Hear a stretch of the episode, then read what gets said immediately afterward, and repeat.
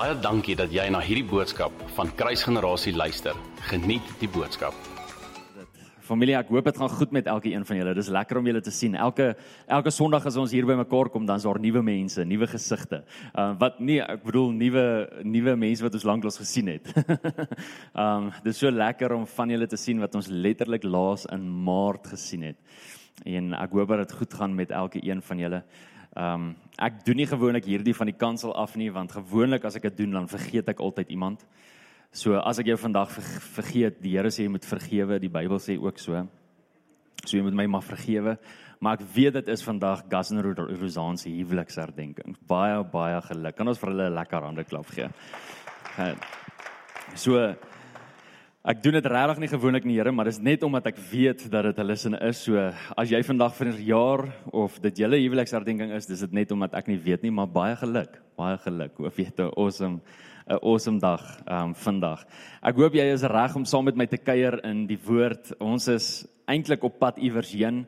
Um Pastor Renier, vir die vele wat hom goed ken, um het altyd 'n 'n storie vertel van 'n vlieënier 'n vliegtyg wat op pad is iewers heen en dan kondig die kaptein af en sê ehm um, hulle het goeie nuus en slegte nuus. Die slegte nuus is ons het verdwaal, maar die goeie nuus is ons maak goeie vordering.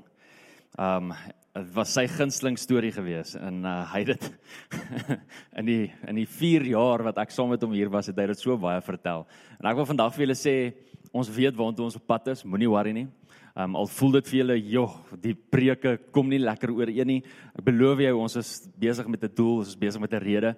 Um die Here is besig om goed in ons harte wakker te maak waartoe ons as 'n family veronderstel is om te loop.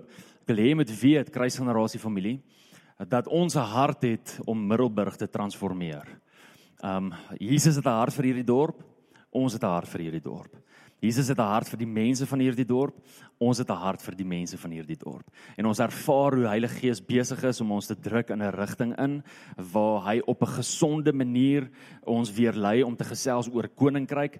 Want met enige iets uit die skrif uit is daar altyd 'n goeie en 'n negatiewe, 'n positiewe en 'n negatiewe.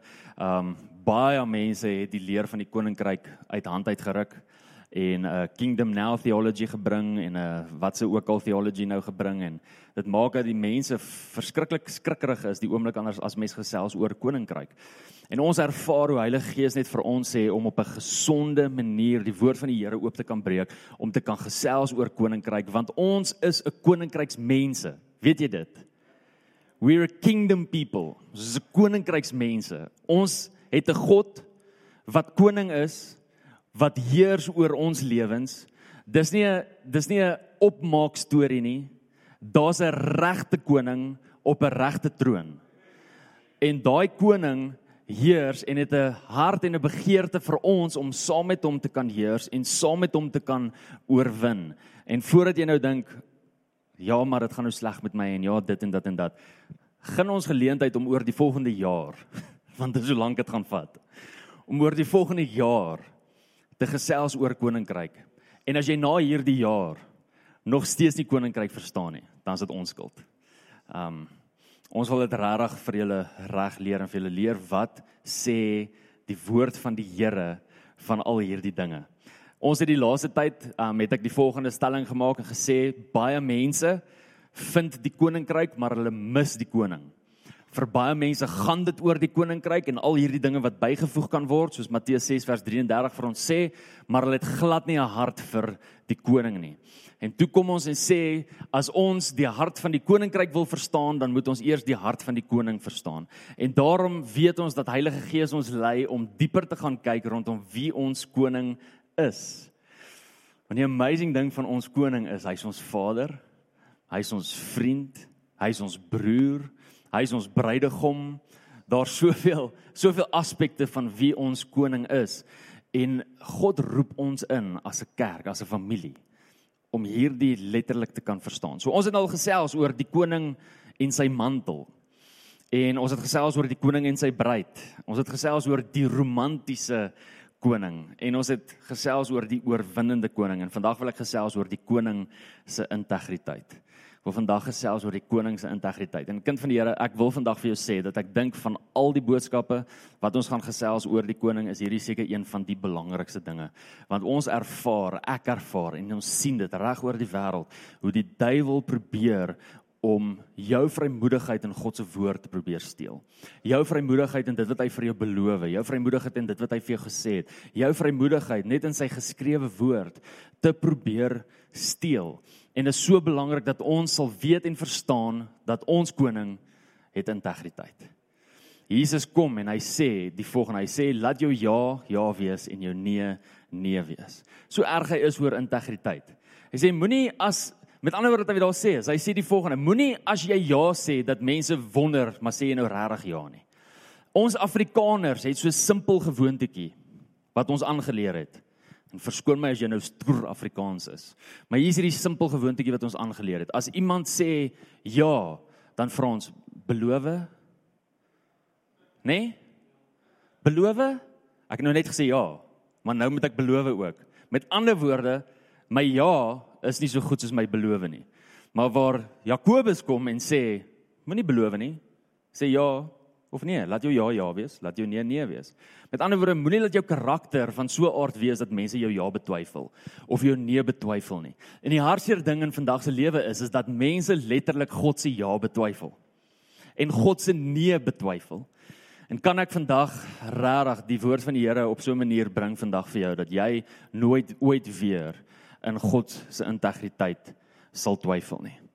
In Openbaring 1 lees ons van die volgende karaktereienskappe van ons koning se stem of van sy woorde. Ek wil vir ons drie gedeeltes lees. Die eerste is vers 10, vers 15 en vers 16.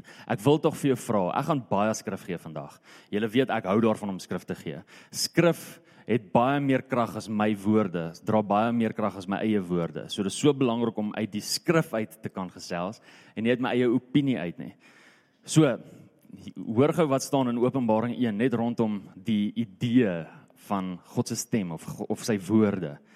Sê ek het agter my 'n groot stem gehoor. Sê vir jouself groot stem. Soos van 'n bassein. Soos van 'n bassein. Vers 15 sê en sy stem soos die stem van baie waters.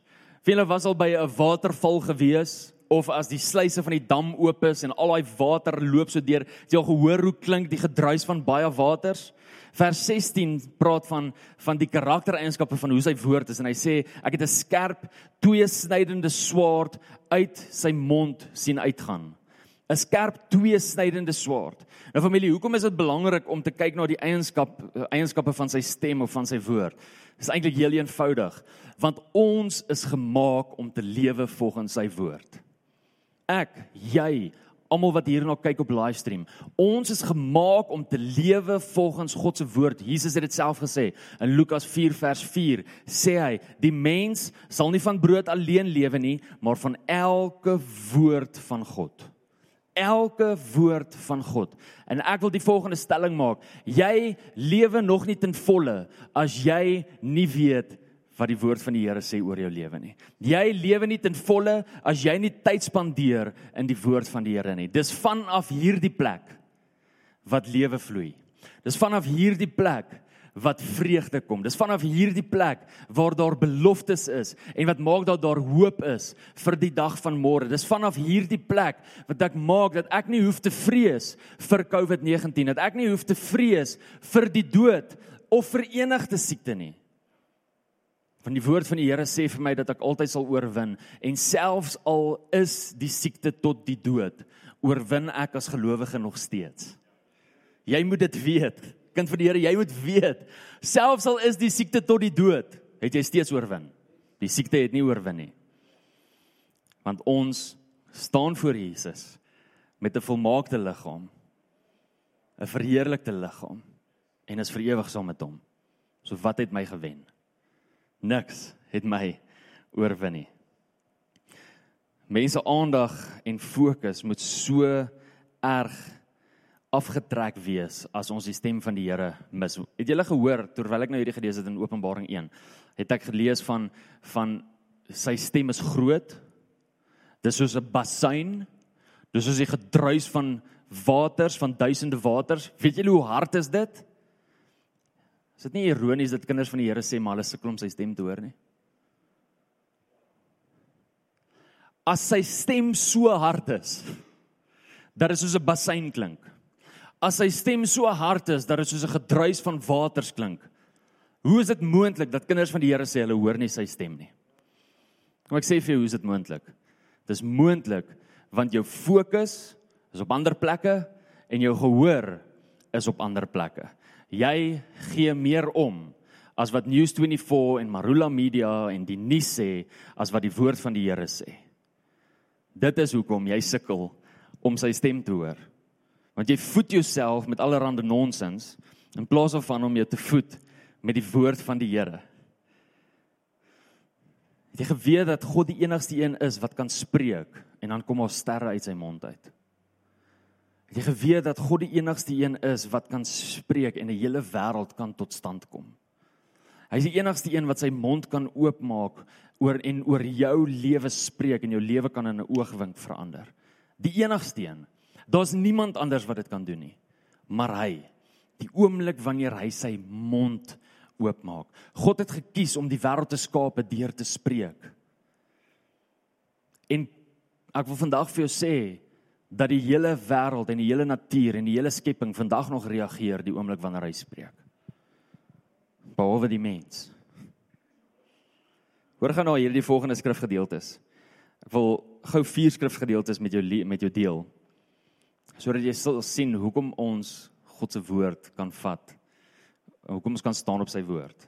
Psalm 7:12 vers 7, Psalm 12 vers 7. Die woord van die Here is rein woorde.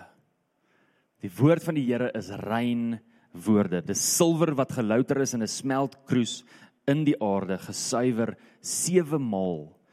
Met ander woorde, sy motiewe, die oomblik wanneer hy iets oor jou spreek, die oomblik wanneer hy iets vir jou sê, is sy motiewe altyd rein. Daar's niks slegs in sy hart nie.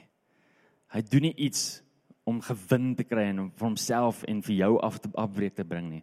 Sy sy motiewe teenoor jou is altyd rein. Sy motiewe teenoor jou is altyd mooi. Numeri 23 vers 19, baie bekende skrifvers. God is geen man dat hy sou lieg nie. Of 'n mensekind dat dit hom sou berou nie. Sou hy iets sê en dit nie doen nie? Of spreek en dit nie waar maak nie? Die antwoord op dit is nee. Ek wil net vir jou sê, dis 'n retoriese vraag daai. Hier staan vraagteken, maar dis 'n retoriese vraag. Psalm 138 vers 2: For you have magnified your word above all your name. God se woord is vir hom so belangrik dat hy sy woord bo homself plaas. Bo sy naam plaas. Nou, julle weet in Filippense 2 staan daar dat Jesus die naam het bo alle name. Daar is nie 'n naam bo die naam van Jesus nie. Maar wat is bo die naam van Jesus? God se woord is selfs bo sy eie naam. Jesaja 40 vers 8. The grass withers, the flower fades, but the word of our God stands forever. Sy woord staan vir ewig. Familie, as ons na nou hierdie gedeeltes kyk, is dit hartseer dat ons nie sy woord vertrou nie. Is dit hartseer dat ons nie sy woord vertrou nie. En jy sit dalk hier en jy sê nee, maar ek vertrou sy woord. Ja, totdat met jou moeilik gaan, totdat dit teenstrydig gaan met dit wat jy glo, totdat dit teenstrydig gaan met dit wat jy al beleef het, totdat dit teenstrydig gaan met dit wat God se woord gesê het. Tot dan toe glo jy dalk in sy woord. Maar totdat daar 'n ander realiteit is wat hy sy kop uitsteek. Totdat jy weet God is die God wat genees, maar jy word nie gesond nie is dan begin jy twyfel. Totdat jy weet God is die God wat beloftes in vervulling maak en jy hou al 9 jaar vas in 'n belofte. En daar kom nie vervulling nie. Totdat jy weet God is die een wat voorsien, maar elke maand sukkel jy met jou finansies en jy kom nie deur nie. En baie keer kom die duiwel dan en hy kry dit reg om ons te laat twyfel in God se woord. En ek dink die groot twyfel by wat wat by meeste gelowiges gekom is, het God dan gesê of het hy dan nie gesê nie? Het God dan gesê of het God dan nou nie gesê nie? Jy geweet dat die duiwel alles in sy vermoë probeer om jou te laat twyfel in sy woord. Alles in sy vermoë. As hy sy woord kan diskredit, dan diskredit diskredit jy hom. As jy van sy woord nie glo nie, sal jy hom nooit glo nie. Want sy woord is wie hy is. Dit staan in Genesis 3 vers 1 in die Nuwe Lewende Vertaling. Hoor hierdie hoor hierdie gedeelte. Genesis 3 vers 1. Die slang was listiger as al die diere van die Here wat die Here God gemaak het. En hierdie is wat hy gesê het. Is dit regtig so? Vra hy die vrou. Het God regtig gesê julle mag niks van hierdie vrugte in die tuin eet nie? Is dit regtig so? Familie, weet jy wat? Ek het al baie keer in my eie lewe het ek agtergekom dat ek al daai vraag vir myself gevra het. Maar, maar is dit regtig so? En baie keer as jy gaan eerlik wees in jou lewe, het jy dalk ook al daai vraag gevra, is dit regtig so? Het God regtig dit gesê? Is hierdie regtig God se intensie? Is dit regtig God se bedoeling? Is dit regtig so? En die oomblik wanneer ons daai vraag vra en ons antwoord nie ja is nie, maar ek weet nie of nee is ons in die moeilikheid. Jy sien dit was as gevolg van die feit dat Adam en Eva getwyfel het in God se woord en of dit regtig so is wat gemaak het dat hulle op die einde van die dag geval het in sonde. Dit was as gevolg van die feit dat hulle getwyfel het in God se woord dat gemaak het dat hulle hulle aksie, hulle daad geregverdig het.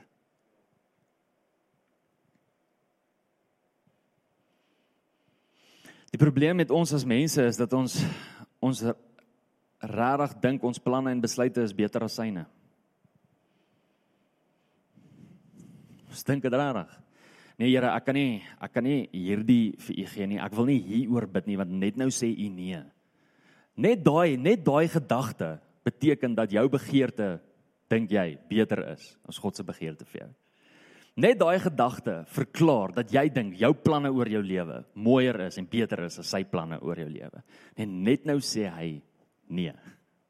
Of net nou sê hy ja, net nou moet ek trek na pits onder water toe. Net nou moet ek daar gaan bly. Wat dan? Nee, ek gaan nie hieroor gaan bid nie. Hier's 'n job opportunity, maar nou wys, ek wil nie soontoe gaan nie. Kan ons God vertrou en op sy woord staatmaak? Daar's 'n amazing gedeelte net verder af. Genesis 3, ons is nog steeds daar. Net verder af, vers 8. Kan ek vir jou lees? 53 vertaling. staan daar en hulle het die stem van die Here God gehoor terwyl hy wandel in die tuin in die aandwentjie. En die mens en sy vrou het hulle verberg vir die aangesig van die Here God tussen die bome van die tuin.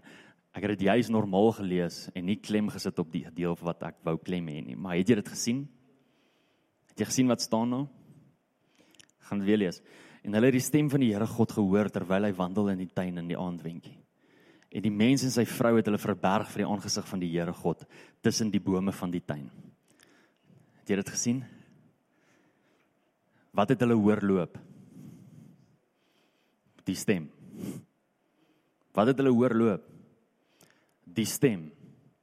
Adam en Eva het dit wat Jesus gesê het in Lukas 4 vers 4 letterlik beleef. Hulle het letterlik 'n fellowship gehad met die stem van God, met die woord van God. En hier lees ons in vers 8, dis nadat hulle gesondig het. Kan ek vir sê wat doen sonde in jou lewe? Sonde in jou lewe maak dat jy eerder wil wegkruip vir die stem van die Here. Hoekom? Want die stem van God is so hard soos 'n bassein is so hard soos die gedruis van duisende waters dat wanneer jy as sondige mens in sy teenwoordigheid staan jy weet dat daai stem praat teen daardie dinge. En nou kruip jy eerder weg vir daardie stem want dit seer om dit te hoor. En nie lekker om dit te hoor nie Sonde se uitweg op ons lewe is, is om letterlik weg te kruip vir sy stem. Dit is so belangrik vir ons as gelowiges om te weet dat luister, as ek as ek nie meer sy stem hoor nie, as ek nie meer in hierdie woord, as ek hierdie woord oopmaak en ek vind niks nie en God praat nie met my deur hierdie woord nie, dan moet ek regtig gaan ondersoek doen en vir die Heilige Gees vra wat het gebeur? Wat het gebeur? kan twee dinge wees. Of alles is fyn en hy roep jou net dieper. Of iewers het jy dit gemis en nou is jou alles net teen die stem van God. En ons moet seker maak dat ons weet wat is dit? Want sy stem is soos 'n bassein, dis soos 'n gedruis van duisende waters, dis 'n tweesnydende swaard. Sy stem wys ons sondes uit. Hoekom? Sy stem wys ons sondes uit sodat hy ons sondes kan bedek. Maar wat doen sonde? Sonde maak dat ek kan gaan wegkruip sodat ek eerder my sondes kan bedek. En kan ek vir jou sê dat daar nie redding is in dit nie. Adam en Eva gaan kruip weg by 'n boom en hulle kies om hulle self te bedek want hulle kom agter hulle is naak, hulle is kaal. Want sonde expose sekere goeters in jou lewe. En hulle probeer hulle self bedek in plaas daarvan om na die stem toe te gaan en toe te laat dat die stem hulle beklee. Jy sien die hart van die woord van die Here is nie net om te sê stout stout stout stout nie. Dit is nie die hart van die woord van die Here nie. Die hart van die woord van die Here is om vir jou uit, uit te wys wat nie lyk soos hy nie, sodat jy meer soos hy kan word. Dit beteken dat die oomblik wanneer jy bedek word met hom, die oomblik wanneer jy geklee word met sy liefde, geklee word met sy Heilige Gees, dat jy meer soos hy begin lyk. Maar as ek weghardloop die hele tyd, kan ek jou beloof, gaan jy nie soos hy lyk nie. Jou lewe gaan nie soos hy lyk nie. Jou gedagtes gaan nie soos hy lyk nie. Jou optrede gaan nie soos hy lyk nie. Dit is so belangrik om toe te laat dat sy stem 'n plek het in my lewe.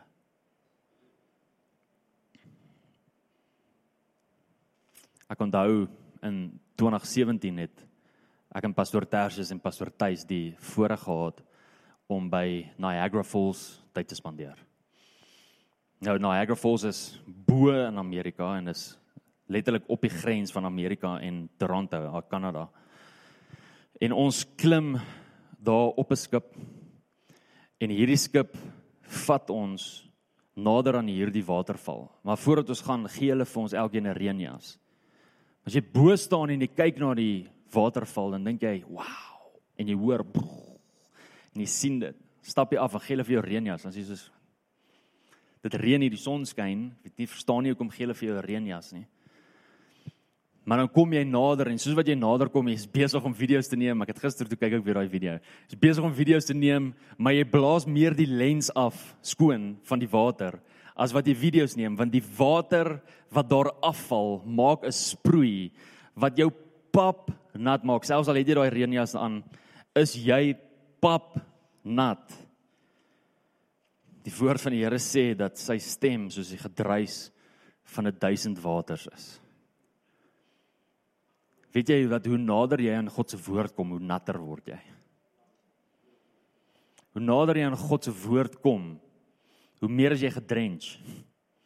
En weet jy dat dit so in die woord van die Here staan ook? Efesiërs 5 vers 25 sê Jesus kom, hy gebruik die volgende, skus Paulus skryf hier, maar hy gebruik die volgende analise.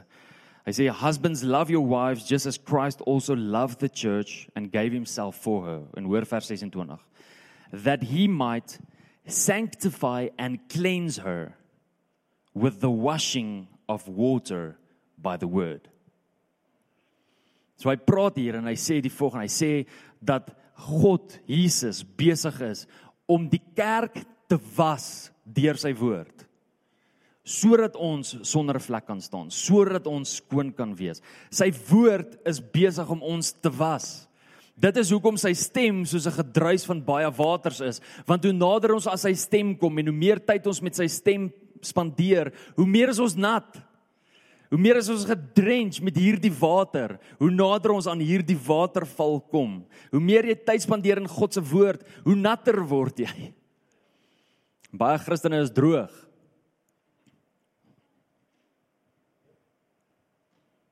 Baie droog. Jy kan dit sommer agterkom as jy in hulle teenwoordigheid is.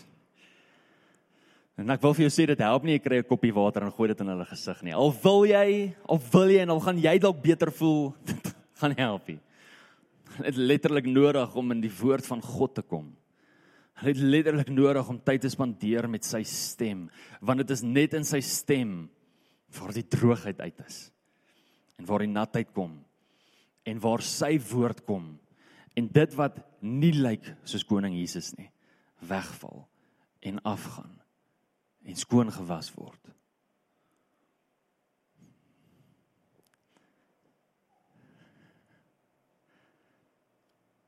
Jesaja 55 vers 11. Ons almal ken die skrifgedeelte. Dalk ken jy dit selfs in die bril van die nag as ek jou wakker maak. Maar so sal my woord wees wat uit my mond uitgaan. Dit sal nie leeg na my terugkeer nie. Maar doen wat my behaag en voorspoedig wees in alles waartoe ek dit stuur. Julle wat is die probleem met baie gelowiges? Ons wil die Here die woord van die Here toepas in ons lewens sodat sy woord ons kan behaag. Maar dit sê hier dat sy woord hom behaag. Hy stuur sy woord uit vir sy behaag, nie vir my behaag nie. Vir sy behaag. Jeremia 1 vers 12. Toe sê die Here vir my: "Jy het goed gesien." Hy het 'n amandeltak gesien. Die Here sê vir hom: "Wat sien jy?" En hy sien 'n amandeltak in die gees. Dis 'n snaakse ding om te sien.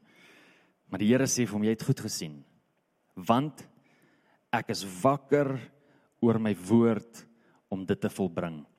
Familie, ek wil vandag vir jou sê dat dit tyd is dat die kerk, dit is tyd dat ons sien dat God wakker is oor sy woord. Ons het nodig om te weet dat God wakker is oor sy woord. Ons het nodig om te weet dat God se woord die waarheid is. Dis so maklik om hierdie te sien net as 'n boek. Dis so maklik om dit wat hy vir ons te sê, dit wat hy vir ons sê, net te vat as nog iets wat enige iemand vir ons sê. Ons lewe in conversation met mense elke dag. En ek kan jou beloof, helfte van die goeters waarin jy conversation staan met mense, het jy oor 'n maand vergeet. Maar nie God nie. sien ons kan nie bekostig om God se stem te hanteer soos wat ek enige persoon, enige mens se stem hanteer nie. En die nuttelose goedjies waar ons oor gesels because we're just making conversation. Ons is maar net besig om te gesels want dis verhouding bou maar nie God nie. Die oomblik wanneer hy spreek is daar intensie in sy woorde. Die oomblik wanneer hy iets sê, dan is daar 'n rede hoekom hy dit sê. Die oomblik wanneer God iets release uit sy mond uit, dan wil hy hê dat daai woord iets moet gaan bereik in ons lewens. En ek wil vandag vir jou sê, jou dagboek kan vol geskryf word van goed wat God al vir jou gesê het. Maar as daai goed nog nêrens hier iets gedoen het of hier iets gedoen het of jou ingedruk het in aksie toe nie, dan help dit jou nie jou joernaal is vol geskryf nie. Dan doen jy dit uit 'n religious manier uit. Want jy voel meer godsdienstig as jy neerskryf wat hy vir jou sê. Dis godsdienstig. Daai woord wat hy vir jou gesê het, moet jy deel maak van jou lewe. Moet jy lewe, moet jy alles in jou lewe najaag. Dis veronderstel om deel te wees in elke area van jou lewe. En ek wil vandag vir jou sê, partykeer sê die Here vir jou om goed te doen wat jy dink Wat? Wat? Kan jy dink hoe moes Noag gevoel het? In die eerste plek in Noag se tyd bestaan daar nog nie so iets soos skepe nie. En daar bestaan ook nog nie so iets soos reën nie. Het jy dit geweet? Dit het in Noag se tyd toe hy die ark moes bou, het dit nog nooit gereën nie. Die woord van die Here sê dat die plante nat geword het deur dou of deur fonteine wat uit die grond uit opgekom het. Dit het nog nooit gereën nie. Nou kom God en hy sê vir Noag: "Bou 'n ark, want ek gaan 'n vloed stuur." Noag kon twee goed doen. Hy kon kies: gaan hy vir God lag of gaan hy doen wat God sê en toelaat dat die ander mense vir hom lag? Dis die opsies wat hy gehad het. Want dit wat God van hom verwag het, was nogal verafgaande. Maar hy het gekies He chose to be the fool so that God could give could have the glory. En baie keer is ons so bang vir dit wat God vir ons sê, want o oh, nee, wat gaan die mense dink? O oh, my reputasie. Ek sit nou die dag. Ek sit in bid. Ek sê vir die Here, Here, ek kyk daar agter toe na die auditorium hoor. Ek kyk nou nie in die verte nie. Die auditorium is daar agter opgeplak in 3D en die sketse en al die goed. Ek sê Here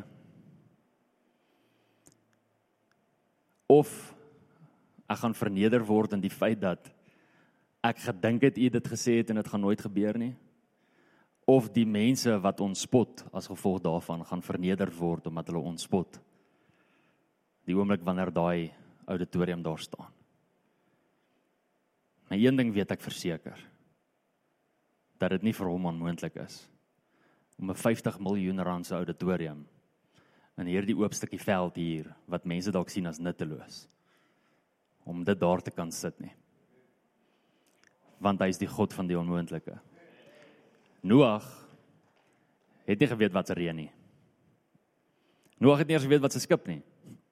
En ek wil vandag vir jou sê dat ons as 'n familie dalk nie weet wat God alles beplan deur daardie auditorium nie. En wat God alles wil doen in daardie plek nie. Ons sien dit dalk nie, ons weet dit dalk nie. Maar wat belangrik is is that we would be fools so that he would be glorified. Al spot mense ons, al sê hulle wat, al sê hulle wat van die ekonomie en al sê hulle wat van die tye waarin ons leef. Ek sien nie om nie, maar God het gesê. God het gesê. Ek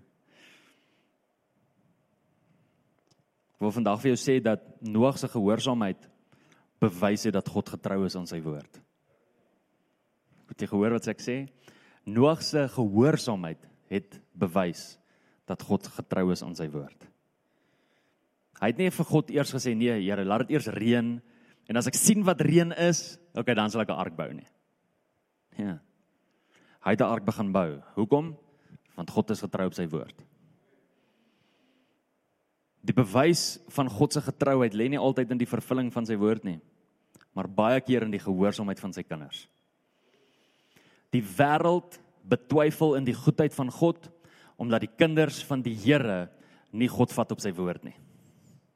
Die wêreld betwyfel die getrouheid van God omdat die kinders van God nie God vat op sy woord nie. Nou ek wil vandag vir jou sê dat dit so belangrik is vir ons as kinders van die Here om God te vat op sy woord en dit te verklaar as sy getrouheid in plaas daarvan om te wag dat die vervulling kom en dan te sê God is getrou. Ek het uh, so so 4 jaar terug in 20 2016 se Desember vakansie is ons in Lady Smith en um, ons hou 'n bietjie saam met die familie vakansie. Ons swem bietjie saam. Gas 'n sussie het twee seentjies op daai daai stadium was hulle 4 jaar oud en 3 jaar oud. En ons swem so bietjie en Jaden, sy oudste, hardloop uit en uh terwyl hy hardloop uit hardloop sê ek vir hom spring, ek gaan jou vang. Hy sê nee. Gaan nie, ons gaan nie spring nie. Ek sê kom aan Jaden, ek gaan jou vang, spring, ek gaan jou vang. Hy sê nee. Hy gaan nie, hy gaan nie. Clayton die jonger enetjie, 3 jaar oud, hy hardloop en ek sê Clayton spring, ek gaan jou vang. Clayton spring. En ek vang hom en ek gooi hom en ek sê gooi hom, sit hom neer en hy swem. En ek sê weer vir Jaden, Jaden spring, gaan jou vang. En Jaden het gesien ek het gekluit en gevang en Jaden spring. En ek vang hom nie, nee, ek skrap. en ek vang vir Jaden. Sorry, julle was net so in daai storie en ek moes julle en ek vang vir Jaden. Maar wat het gebeur? Jaden het 10 teen 1 iewers, nou ek's baie lief vir my swaar, maar 10 teen 1, hy's nogal stout. 10 teen 1 het my swaar iewers vir Jaden gesê spring en Jaden het gespring en Lance het ge En dis hoekom hy dalk nie wou spring nie. En baie keer is dit so in ons gelowiges se lewens ons sien waar iemand dalk 'n risk vat and it doesn't pay off. En nou kom God en hy sê iets vir ons. En nou is ons bang. Ja, ek het gesien wat het gebeur met daai persoon. Maar weet julle wat is die harsh reality? Dat as God se woord nie in vervulling kom nie, dan het God se woord nooit gespreek nie. Dis die harsh reality. Baie mense mis dit omdat hulle nooit sy stem gehoor het nie, omdat hulle gedink het hulle het sy stem gehoor. En dan kan jy nie vir die Here kwaad wees nie. Dit is so belangrik. Maar ek wil ook vandag vir jou sê as 'n pa so staan by 'n swembad en hy sê vir sy seun om te spring. Die oomblik wanneer die seun besluit om te spring, het hy sy vertroue in sy pa geplaas. Nie die oomblik wanneer die seun gevang is nie. Die oomblik wanneer die seun spring, is daai aksie 'n bewyse van die feit dat hy sy pa op sy woord vat en dat hy sy pa vertrou. Nie wanneer hy veilig in sy pa se hande is nie. En soveel keer is ons as gelowiges bang om te spring. En ek vra dis myself, ek vra myself hierdie vraag uit. Hoeveel goed sou ons al gesien het? Hoeveel deurbrake sou daar al gewees het? Hoeveel herlewings sou daar al gewees het? Hoeveel hoeveel amazing amazing nuwe goed sou daar gewees het wat geskape is, songs wat sou geskryf sou word, selfs poems wat geskryf sou word as mense dalk net wou spring. In plaas daarvan om te wag dat hulle eers die goedheid sien. Nee, ek wil ek wil eers die vervulling sien. Ek wil eers die vrug sien, dan sal ek spring. Ek wil vandag vir jou sê dat as jy spring, die vrug daar gaan wees, nie voor nie. Nie voor die tyd nie. 'n Boom moet eers geplant word voordat hy kan vrug dra. Jy kan nie vrug kry en dan 'n boom kry nie. 'n Boom moet eers geplant word. Dan is daar vrug. Kind van die Here, hoeveel drome is daar wat dormant lê omdat jy nie wil spring nie? Omdat jy bang is om God te vat op sy woord. Omdat die duiwel dalk gekom het en vir jou gesê het, "Maar, is dit reg?" Hæ, is dit reg? Is jy seker? Maar as jy is jy doodseker? En ons kinders van die Here is van so aard dat as ons net hoor, is jy seker? Ah, nee, ek weet ek weet nou nie meer. Ek weet nie meer nie. In plaas van om net te sê, ja, ja, ek seker. So. En die hardste ding in vandag se tyd is is alles, die media, die wêreld, selfs universiteite probeer maak dat Christene God se woord betwyfel. Ek luister nou die dag, hoor ek en dis 'n waarheid, dis regtig die waarheid van een van die grootste denominasies in Suid-Afrika en ek gaan nie 'n naam noem nie. Een van die grootste denominasies. Se lektor staan op terwyl hy besig is om klas te gee vir die volgende predikante en pastore van ons land. En daai lektor staan daar en die lektor sê die volgende: God is 'n leenaar. 'n Lektor wat veronderstel is om die woord van die Here reg te sny. Leer mense wat op pad is in die bediening in. God is 'n leenaar. En weet julle wat is hoekom sê die persoon God is 'n leenaar?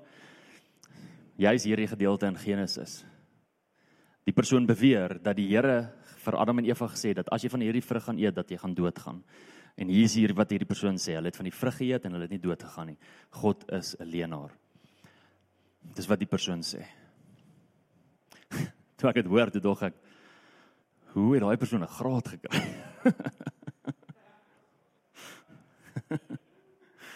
Soos die redenasie maak nie eers sin nie. Maar dis wat geleer word in kerke, nie net in die wêreld nie. En kind van die Here, ek wil vandag vir jou sê, die woord van die Here is onder aanval en God se integriteit is onder aanval. Dis tyd dat die kerk, dis tyd dat ons as kinders van die Here roekeloos op God se woord staan ten spyte van the times of the seasons ten spyte van waar ons onsself bevind want het jy al gehoor dat die woord van God nie meer relevant is vandag nie? Want het jy al gehoor dat die kulture van daai tyd was seker goed nie acceptable nie maar in vandag se kultuur is dit acceptable. So dis fine trek saam met jou jou vriend in voordat jy trou. Dis fine dis socially be acceptable dis dis hoe dit moet wees. Nie volgens die woord nie nie volgens die woord nie. Dit's fyn om homoseksueel te wees. Kom aan, almal het almal het die reg om iemand lief te hê. Dit's fyn om homoseksueel te wees. Volgens die woord nie. God se woord is relevant vir vandag nog ten spyte van die tye waarin ons leef, ten spyte van wat die wêreld sê en ek wil vandag vir jou sê, ek kan nie my opinie oor die woord van God verander omdat die wêreld anders dink nie. Hulle gaan nie dink soos wat ons dink nie want hulle het nie God se gees nie. En die woord van die Here sê as jy nie God se gees het nie, kan jy nie waarheid ontvang nie. So dan is hierdie woord vir hulle dwaasheid. Dan is die kruisiging van Jesus vir hulle dwaasheid. Hoekom? Want hulle het nie die gees in hulle nie. En nou laat die kerk toe dat mense wat nie God se gees het nie, dikteer wat mense wat God se gees mag doen en nie mag doen nie en sê en nie mag sê nie. Dit hoort nie so nie. Come on kerk. Kom ons vat God op sy woord. Wil afslag met die af, afslag. Ek wil al daai godsdienstige en demoniese en allerlei afslag. Nee, ek Ek wil afsluit met die volgende vraag. Waarin twyfel jy? Is daar 'n woord? Is daar 'n belofte? Is daar iets in hierdie woord? Is daar iets in God se integriteit? Is daar iets in dit wat God gesê het en is daar iets in in God se dade waarin jy twyfel? Ek wil jou die volgende vra. Wil jy nie jou twyfel heroorweeg nie? As gevolg van wie hy is. Mense is mense en doen stupid goed. Moenie twyfel in God se woord omdat mense stupid goed doen nie. Moenie twyfel in God se karakter omdat mense in die naam van die Here stupid gedoen het. Soos daai kerk wat nou wat noem hulle daai kerk se naam? Hier in Centurion wat nou kerk hou met drank. Dit was selfs op BBC nuus gewees. Want hulle kon nie kerk hou in COVID tyd nie want daar was nie meer drank nie. Shame. Kan jy glo dat COVID so erg was? Hulle kon nie eers kerk hou nie want daar's nie drank nie. Die arme demoniese mense.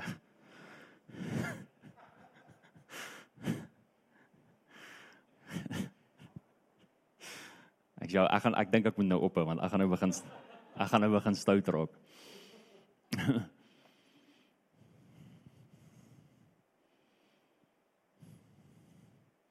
Heilige Gees, ek bid.